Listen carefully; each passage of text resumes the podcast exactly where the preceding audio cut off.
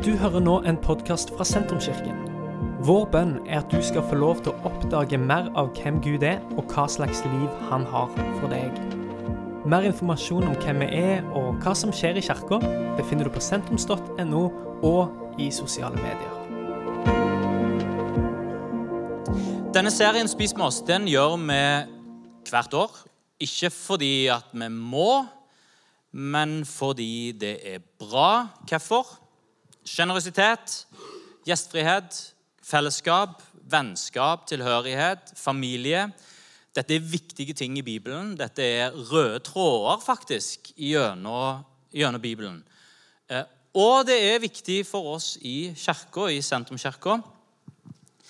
Så eh, må en jo også si at fellesskap og, og likhet, eh, disse to tingene her, er viktige verdier i norsk kultur. Eh, der er en sånn fellesskapstanke og likhetstanke eh, eh, i, eh, i Norge eh, der en setter høy verdi på fellesskapet og, og dugnaden og det at vi, vi, vi bærer dette sammen. Men så er vi òg et ekstremt individualistisk samfunn. Av og til så lurer jeg på hvordan vi klarer å få disse to tingene til å henge sammen. At vi er veldig opptatt av fellesskap og fellesskapet, og så er vi veldig individualistiske og, eh, og, og, og opptatt av individets autonomi og eh, skal klare oss sjøl. Nordmannen er den personen i verdens eh, eh, som sier 'spise sjøl', og som, som ikke trenger hjelp. Så avhengighet det er nesten et skjellsord i Norge. Vi er uavhengige. Vi trenger ingen. Eh, og, og vi vil gjerne eh, i, prøve å bygge et, eh, et eh, samfunn der hver person har muligheten til å leve sånn. Så så Det gjør at eh, nordmenn er, vi som nordmenn er ikke de som er mest kjent i verden for å være imøtekommende og gjestfrie. Um, eh, det er ikke en sterk norsk kultur, iallfall ikke nå lenger, å spise sammen. Iallfall ikke med andre enn nær familie og veldig nære venner. Så eh, hvorfor gjør denne Spis oss-serien hvert år? Jo, for jeg tror at som nordmenn og i norsk kultur så trenger vi å la oss utfordres av, inspirere av og kanskje òg bli sparka litt i baken av det som Bibelen løfter opp om måltidet, eh, om fellesskap og om gjestfrihet. Eh, Nå dette året her så har vi, eh, så har vi snakket om måltidet. Og for deg som har vært til stede alle søndager, og det er jo nesten ingen nå i denne mai-juni-tida hvor alt skjer, og der er bare inneklemte torsdager, nei, inneklemte fredager og langhelger og rødt og Altså røde eh, feriedager i kalenderen, tenkte jeg på. Eh, Så er det ikke sikkert at alle har fått med seg alt, derfor så repeterer vi litt òg. Men vi lærer gjennom repetisjon. Og vi lærer gjennom å handle på det som vi hører mange ganger. Å praktisere det vi hører, og høre en ting mange ganger og praktisere det som vi hører, det, det lærer vi av. Og Måltidet det er enkelt å praktisere fordi vi trenger alle mat. Vi vil i serien eh, eh, Spis med oss denne våren løfte fram hvordan måltidet vårt er kobla til troen. Vi vil oppmuntre til å spise sammen med familie og venner og se på måltidet som noe mer enn bare å få i seg fôr. Eh, Det er sånn dyr ser på mat, det er å få i seg fôr. Eh, Mens som menneske så, er der, så har det eh, kommet en, en, en, en annen ting på plass. Vi har et måltid, vi spiser sammen, og vi bygger fellesskap gjennom maten. Spis sammen med familie og venner. Så vil vi oppmuntre til å være gjestfri og til å invitere til måltid. Og bygge en sjenerøs og gjestfri kirke hvor vi spiser sammen. Guds rike er et måltid. Det er et av bildene som Bibelen har på hva Guds rike er, og hva Guds rike kan sammenlignes med ikke bare et måltid, men et festmåltid. Eh, Og invitasjonen til måltidet den går bredt, og så møter vi Jesus i måltidet.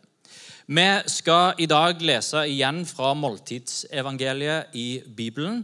Eh, det er, eller matevangeliet. Eh, det er Lukas. Eh, foranledningen til teksten vi skal lese i dag, det er påskeuka. Jesus sin lidelse, hans død på korset, og så at han blir lagt i graven. Og så Eh, kvinnene som kommer for å stelle med grava til Jesus, og som har denne uventa opplevelsen. Grava er tomme. Eh, og de møter, på, og de møter, de møter Jesus, oppstanden. Eh, og resten av disiplene de vil ikke tro på det, og det forstår jeg på en måte godt. For det skjer jo ikke at de døde står opp. Men det er akkurat det som har skjedd her. Så Lukas skriver da at Peter drog for å se til grava og se om det stemte. Der så han, som de damene hadde sagt, at der var grava tomme, og likkledet lå igjen.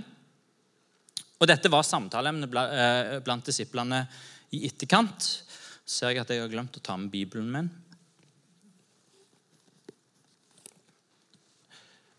Eh, og Dette er samtaleemnet blant disiplene. Hva er det som har skjedd? Har Jesus stått opp igjen? Er dette sant? Er det løst snakk? Er det hallusinasjoner? Hva er dette for noe? Og To av Jesus' sine disipler, eller etterfølgere, om det var noen av de tolv, det står, eh, det står ikke. De kalles bare for Emmaus-vandrerne. De eh, skal til Emmaus, eh, og de snakker sammen. Vi skal lese i vers 24 av Nei, vi skal lese i kapittel 24 og vers 13 og videre nedover. Skal vi se Samme dag var to disipler på vei til en landsby som heter Emmaus, 60 stadier fra Jerusalem. Og De snakket om alt det som var skjedd. Mens de nå snakka sammen og drøfta dette, kom Jesus sjøl og slo følge med dem. Men øynene deres ble hindra i å se, så de ikke kjente han igjen. Han sa da til dem, hva er det dere går og snakker så ivrig om? De stansa og så bedrøvet opp, og den ene, han som heter Kleopas Jo, eh, det var jo ikke av de tolv. Eh, på Eivind lest teksten grundig. Eh, en, han som heter Kleopas, svarte du må være den eneste tilreisende i Jerusalem som ikke vet hva som er hendt her i disse dager. Hva da? spurte han. Det med Jesus fra Nasaret, svarte de. Han var en profet, mektig i ord og gjerninger for Gud og hele folket. Men våre overprester og rådsherrer utleverte han og fikk han dømt til døden og korsfesta han. Og vi som hadde håpet at det var han som skulle befri Israel. Dessuten, i dag er det alt tredje dagen siden dette hendte. Og nå har òg noen kvinner blant oss gjort oss forvirra. De gikk ut i graven tidlig i dag morges, men de fant ikke kroppen hans. De kom tilbake og fortalte at de hadde sett et syn av engler som sa at han lever. Noen av våre gikk da til grava, og de fant det slik som kvinnen hadde sagt. Men han sjøl fant de ikke. Da sa han til dem, så uforstandige dere er, så treige til å tro alt det profetene har sagt. Måtte ikke Messias lide dette og så gå inn til sin herlighet? Og han begynte å utlegge for dem det som står om han i alle skriftene, helt fra Moses av og hos alle profetene. De nærma seg nå den landsbyen de, landsbyen de, skulle til, og han lot som han ville dra videre, men de ba han inntrengende. Bli hos oss, det lir mot kveld, og dagen heller. Da gikk han med inn og blei hos de. Og Mens han satte bords med de, tok han brødet, ba takkebønnen og brøt det og ga de. Da ble øynene deres åpna, så de kjente han igjen, men han ble usynlig for dem. De sa til hverandre, brant ikke hjertet i oss når han talte til oss på veien og åpna Skriftene for oss? Og de brøt opp med en gang og vendte tilbake til Jerusalem. Der fant de alle de elleve og vennene deres samla, og disse sa, Herren er virkelig stått opp og har vist seg for Simon. Så fortalte de to om det som hadde hendt på veien, og hvordan de hadde kjent han igjen når han brøt brødet. Det er jo en lang tekst, og det er jo mye å hente ut av det som skjer her. Eh, det første som jeg hadde lyst til å løfte fram, er at eh, Jesus eh, viser seg. For dette handler, Det er en tekst som handler om at Jesus viser seg for disiplene. Og hvordan viser han seg? Første er at han viser seg i samtalen. Eh, de snakker mens de går. Dette er det geniale med å dra på tur sammen. Dette er det geniale med å gå på tur. Eh, dette er det geniale med å sitte i bil, faktisk. Der er en hel TV-serie som handler om en som er sjåfør, og som tar med seg berømte mennesker i, eh, i passasjersetet. Og så sitter de bare og snakker, og så er, blir dette TV. Eh, og eh, når du sitter i bil, så er det jo nesten, det er jo nesten som å gå til psykolog.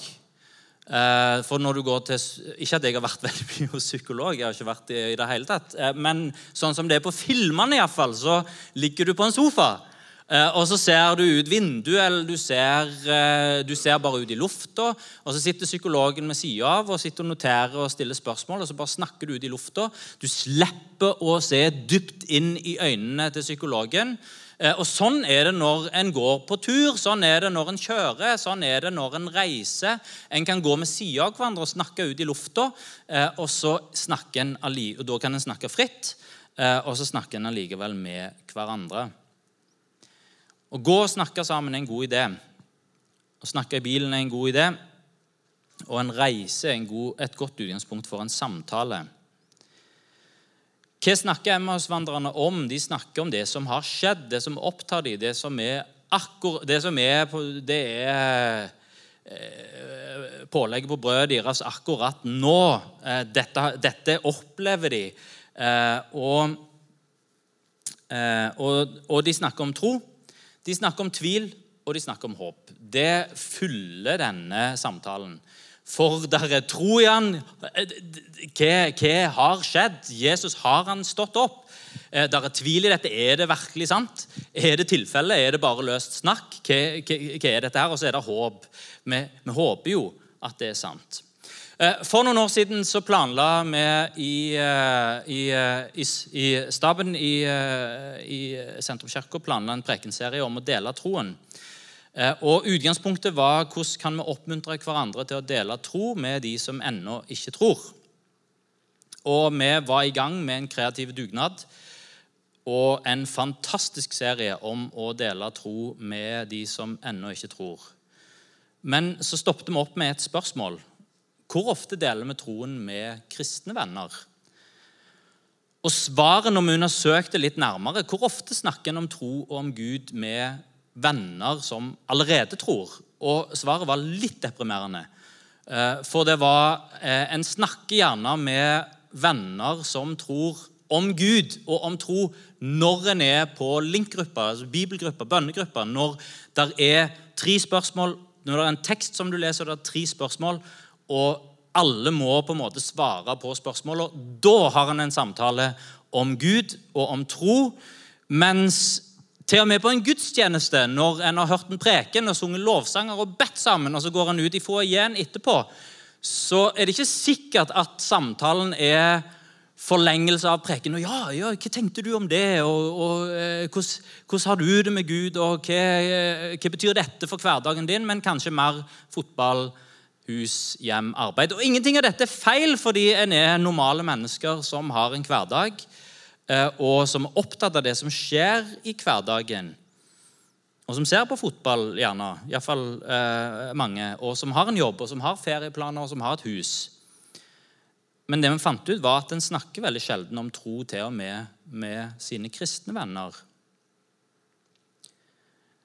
En trenger linkgruppene som gir rammer for å tvinge fram den samtalen. Og Kanskje viser dette at For jeg tror ikke det gjelder bare kirka her. Jeg tror det gjelder mange plasser. Kanskje har vi blitt bedre òg. Kanskje har tro på Gud blitt en privatsak i Norge.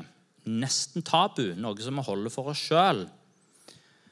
Eh, så Resultatet av den prekenserien da, det var at istedenfor å lage en taleserie som handler om hvordan dele troen med venner som ennå ikke tror, så ble det til en taleserie som handler om hvordan vi snakker om Gud med hverandre, med familie, med ektefelle, med venner eh, og, og, de som allerede tror.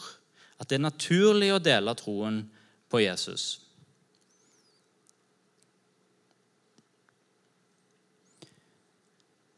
Det fører gode samtaler å snakke om troen sin. Emma hos Emmausvandrerne de går og de snakker. Og de snakker om det som opptar dem. De snakker om Jesus. De er opptatt av Jesus, og derfor så snakker de òg om Jesus. Og, mens, og her, er jo, her er jo det gode poenget, syns jeg, at mens de snakker om Jesus, så sniker han seg inn i samtalen. Eh, de kommer ikke på det, de legger ikke merke til det. Det, her, det, står i teksten at det er akkurat som, som de har et slør for øynene. De forstår ikke at det er Jesus som kommer.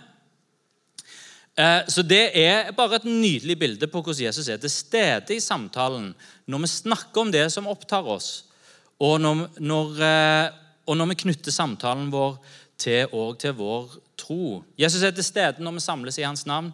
Jesus er til stede når vi ber.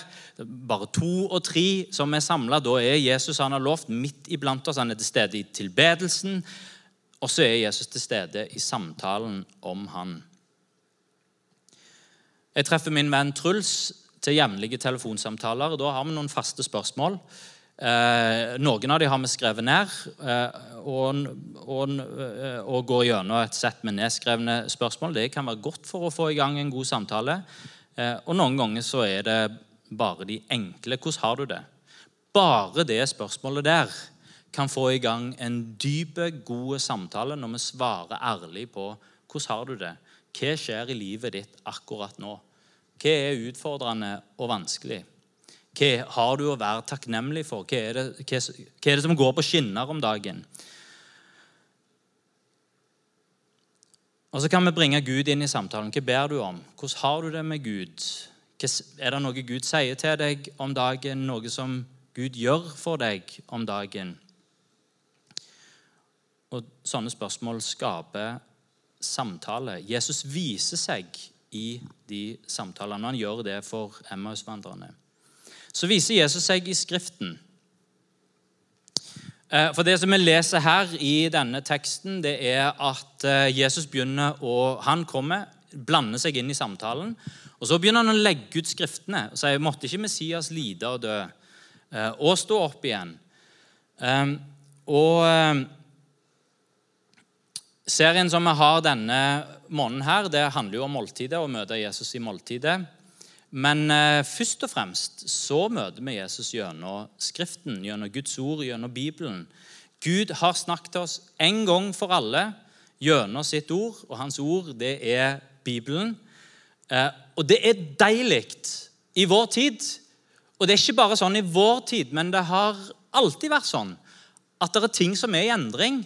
Og det er ting som, som, som at, at, Alt er ikke bare solid, noe solid fundament som en står på, men så flytter ting litt på seg. og Sånn har det særlig vært de siste, eh, de siste 100 åra, og, kanskje særlig de siste 40 åra.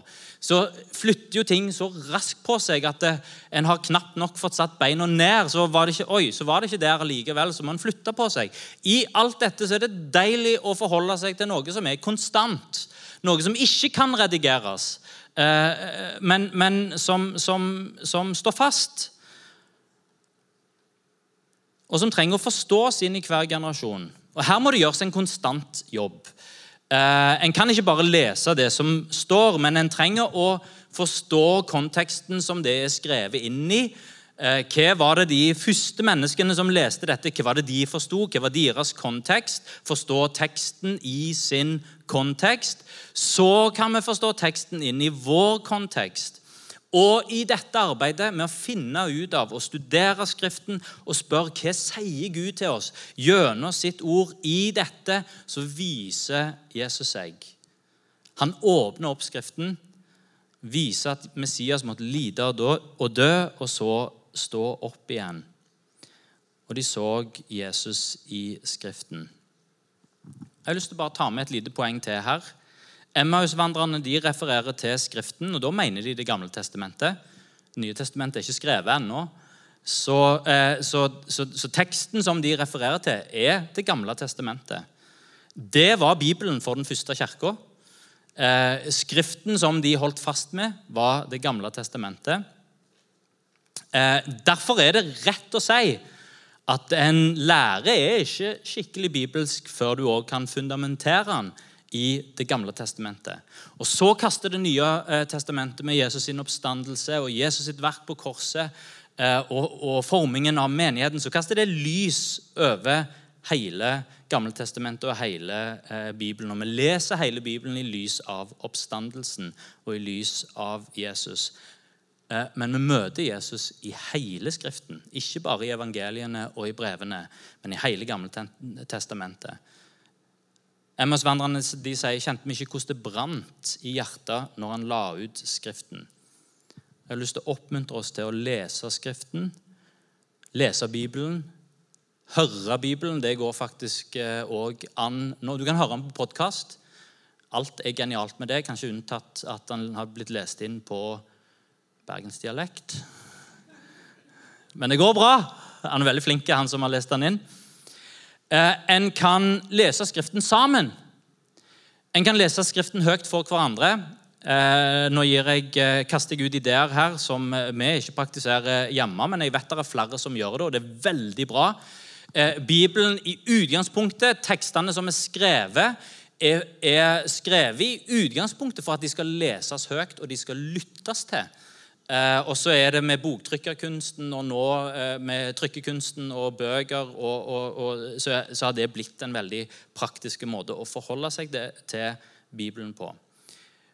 Men vi leser, vi hører, vi kan lese sammen, og vi kan snakke om det som vi leser. Blandingen av å lese i Bibelen og snakke om hva det betyr, gir gode samtaler. Noen ganger så er samtalen bare å dele informasjon om hva vi gjør.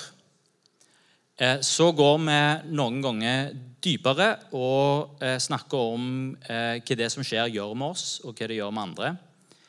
Men når vi bringer Bibelen inn, så gir det virkelig dybde til samtalen. Fordi den har blitt stående gjennom historien og gjennom generasjoner og inneholder mer enn bare informasjon, kunnskap og ideer dype sannheter som påvirker oss, og som former de som leser de, og som tror på de. Um, en av mine oppgaver som pastor, eh, en del av jobben min, det inspirerer menigheten til å lese Skriften, til å be Skriften og til å studere Skriften. Og når jeg sier Skriften, så mener jeg da Bibelen. Til å snakke om Bibelen og til å oppdage Jesus gjennom Bibelen. Så hvis du er med i menigheten her i Sentrumskirka, og du sjelden eller aldri åpner opp Bibelen, eh, eller snakker om Bibelen, så er det jo litt trist, for da må jeg bare si at da suger jeg ikke jobben min. For det er en del av det som det å være et kirkefellesskap handler om dette. For det er her vi ser Jesus. Jesus viser seg for disiplene gjennom Bibelen. Det brenner i hjertene deres. Hvis du sier 'Jesus viser seg aldri for meg', han sier aldri noe til meg, jeg hører aldri noe, jeg opplever aldri noe, men har konsentrasjonsevnen til en sånn guppi, det er sånn der eh, akvariefisk, som ikke klarer å forholde seg til noe uten at det er presentert i en ti sekunders TikTok-video, da er det på tide at vi legger vekk telefonen og øver opp konsentrasjonen. Enten lytter til Bibelen på podkast eller leser Bibelen og stopper opp, stille, konsentrerer oss. Om en ikke klarer å konsentrere seg så lenge, men iallfall konsentrere seg en stund. Lytte. Hva sier denne teksten om Jesus? Hvor er Jesus i denne teksten? Hva sier han til meg? Og så dele det med noen. Snakke om det. Sånn som Emmausvandrerne gjorde. Mens de gjorde det, så sniker Jesus seg inn i samtalen. Og så viser Jesus seg i måltidet. Og det er først, eh, og vi ser jo òg her den klassiske orientalske gjestfriheten som vi kanskje har mista litt her oppe i Norden, eh, men som jeg vet har vært, har, i fall har vært en del av norsk kultur òg før. Eh, dette at de, de, de, går sammen, og de snakker. Og så er samtalen den, den er god. Og disse Nemmausvandrerne de skal ta inn øh, Nå husker jeg ikke helt øh, hvor de skulle hen, om de skulle inn på et herberg eller hva det var. for noe. De, de, øh, de stopper iallfall opp, og de skal spise. Og, øh, og, og Jesus, som de fortsatt ikke vet at dette er Jesus, han øh, vil gå videre. Men da sier han nei, kom og bli med oss. Invitasjonen. Kom hjem til oss. Kom og del måltid sammen med oss. Kom og vær til stede i måltidet. Og det er i måltidet, etter at de har snakket sammen, etter at de har lest Skriften, når Jesus deler brødet, da oppdager de hvem han er. Jeg er sikker på at Lukas tok med eh, denne historien både fordi det skjedde, og fordi det er et vakkert bilde på nattverden.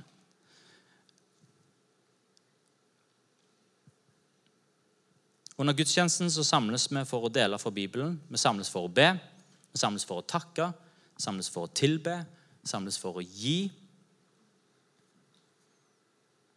Og så gjør vi nattverd gjennom å bryte brød og drikke vin.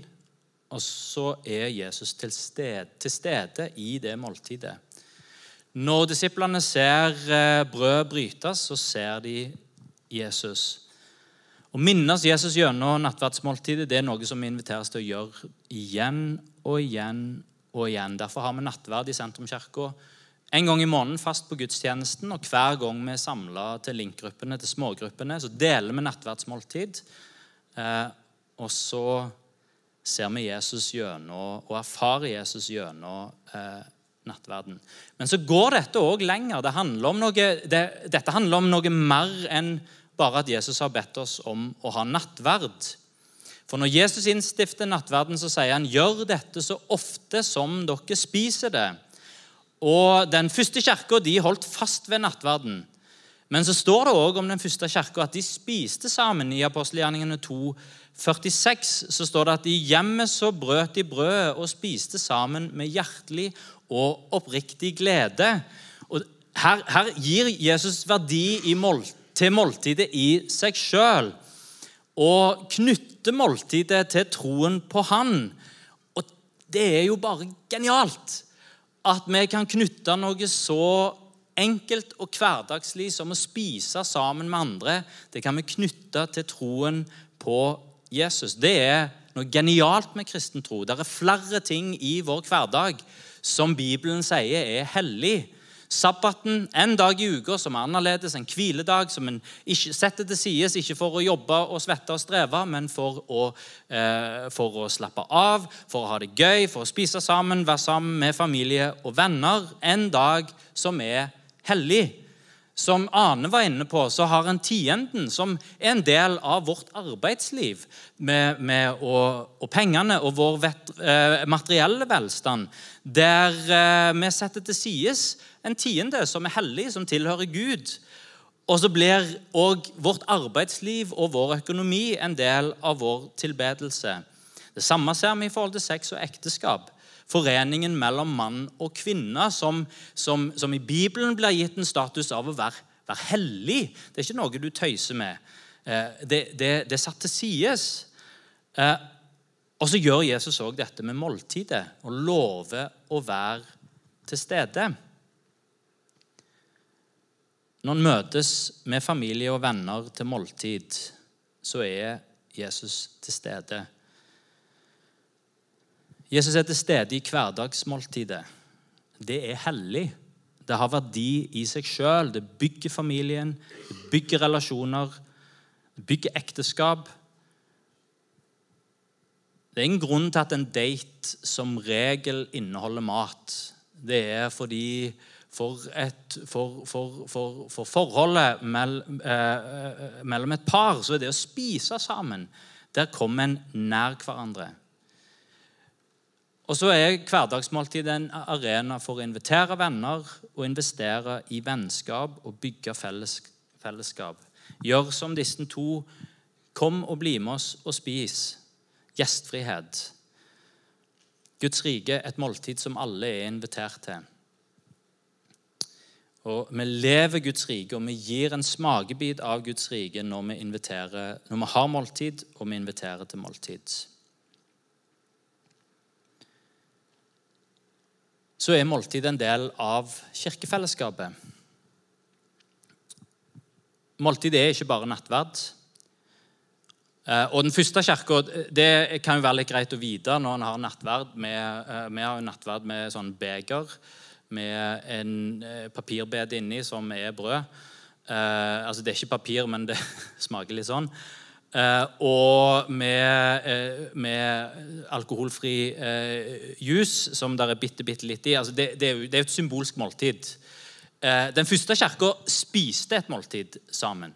Det, det var et reelt måltid som en stor potluck. Alle tar med seg masse mat, og så spiser en sammen, og så minnes en Jesus i måltidet. Og så er det kanskje praktisk ikke så enkelt å gjennomføre hver gang. Um, så, men la oss huske det, det, det, altså, For vi glemmer litt det når vi gjør nattverden veldig enkel, at det er et måltid. Og kirkefellesskapet så møtes en for å spise sammen med andre fra menigheten. Bygge vennskap, bygge fellesskap, øve opp sin gjestfrihet, sin sjenerøsitet, skape tilhørighet og skape familie. Det er en del av den åndelige praksis å ha måltid og invitere og være gjestfrie. Det har vært del av min eh, oppvekst.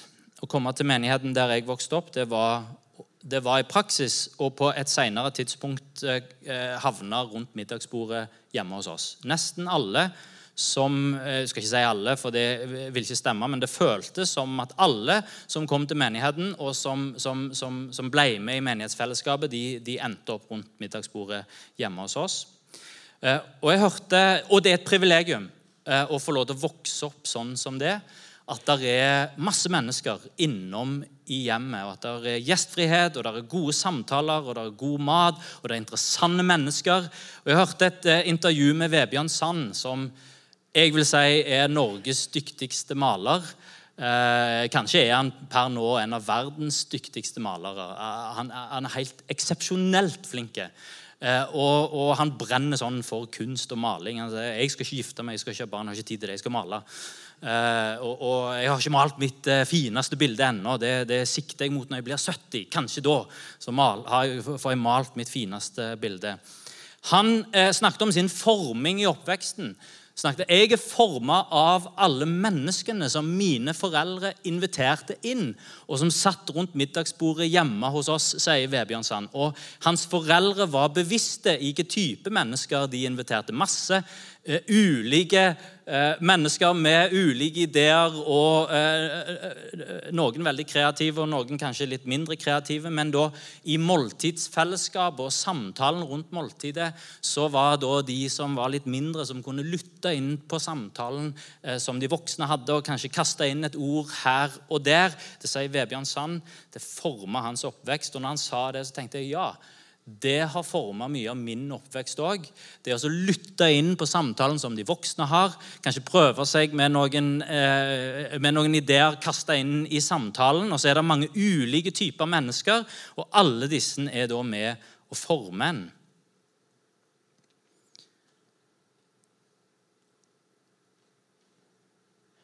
Måltidsfellesskapet mellom troende, der er Jesus til stede. Og det er vel sånn med måltidet som med troa, at om en ikke deler måltid med andre som en kjenner, og andre som tror, så skal det noe til at en deler måltid med de som en ennå ikke kjenner så godt, fra nabolag og av, fra arbeidsplass og fra bekjentskapskrets. Og bandet kan komme og gjøre seg klar. Og jeg skal ikke snakke oss ned, for det er, det er ikke sant at alle er dårlige. Men, men øh, vi er ikke veldig flinke på dette i Norge. Eller på en mer positiv måte. Det er stort forbedringspotensial eh, på å lage til måltid og invitere og ha måltidsfellesskap. I Norge har mange relasjoner, og det, det, og det tror jeg ikke bare det er jeg som eh, vil si. Det er mange relasjonelle kvaliteter i Norge når en først har etablert en relasjon. Altså, en, en, en, norsk venn, sier utlendinger som kommer til altså, det, det, er to ting som eh, folk som ikke er oppvokst i Norge, som kommer til Norge, sier om norsk kultur og norske relasjoner. Først er det vanskelig å få norske venner. Så, så det er jo, her er forbedringspotensialet. Eh, men del to har du fått en norsk venn, så har du en venn. Så, så der er relasjonelle kvaliteter i vår kultur som vi skal bygge videre på. Og som mange andre kulturer kan lære noe av. For det er mange steder hvor relasjonene er flyktige. Og hvor en, en, en investerer masse i samtalen med noen der og da, og så har han glemt de rett etterpå. Men la oss lære av dette her, og, og ikke være, være litt mer vågelige. Invitere til måltid, spise sammen, bygge fellesskap.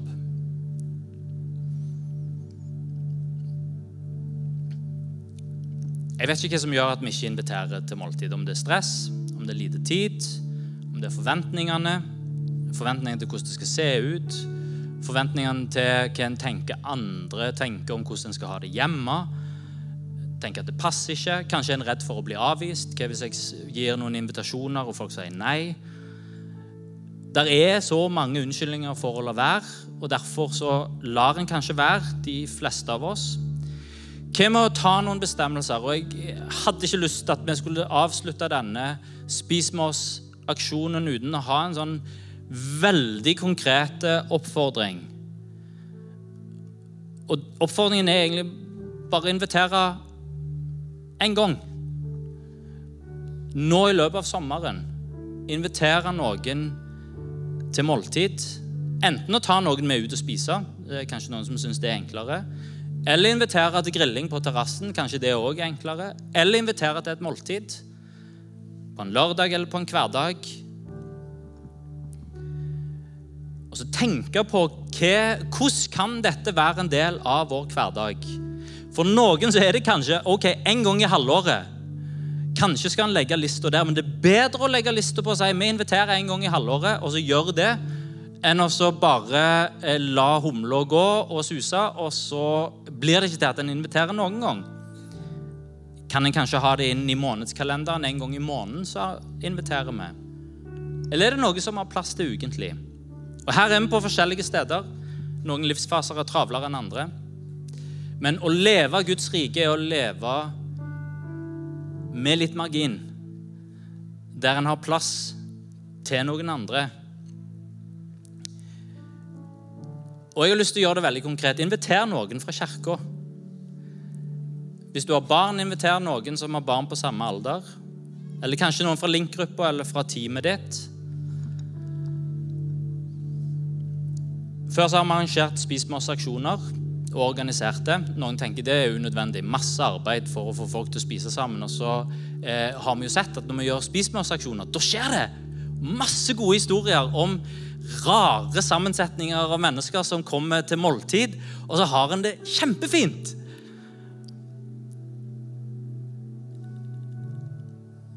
Men la oss bruke sommerferien og sommeren til å invitere til måltid. Spis ute, eller grill, eller inviter på et festmåltid, eller bare et vanlig hverdagsmåltid. Så spiser vi sammen og bygger fellesskap. Og så bærer vi sammen. Takk, Herre Jesus, at du viser deg i samtalen. Du viser deg i Skriften. Takk at du er oppstanden, og takk at vi kan møte deg nå. At du viser deg i måltidet.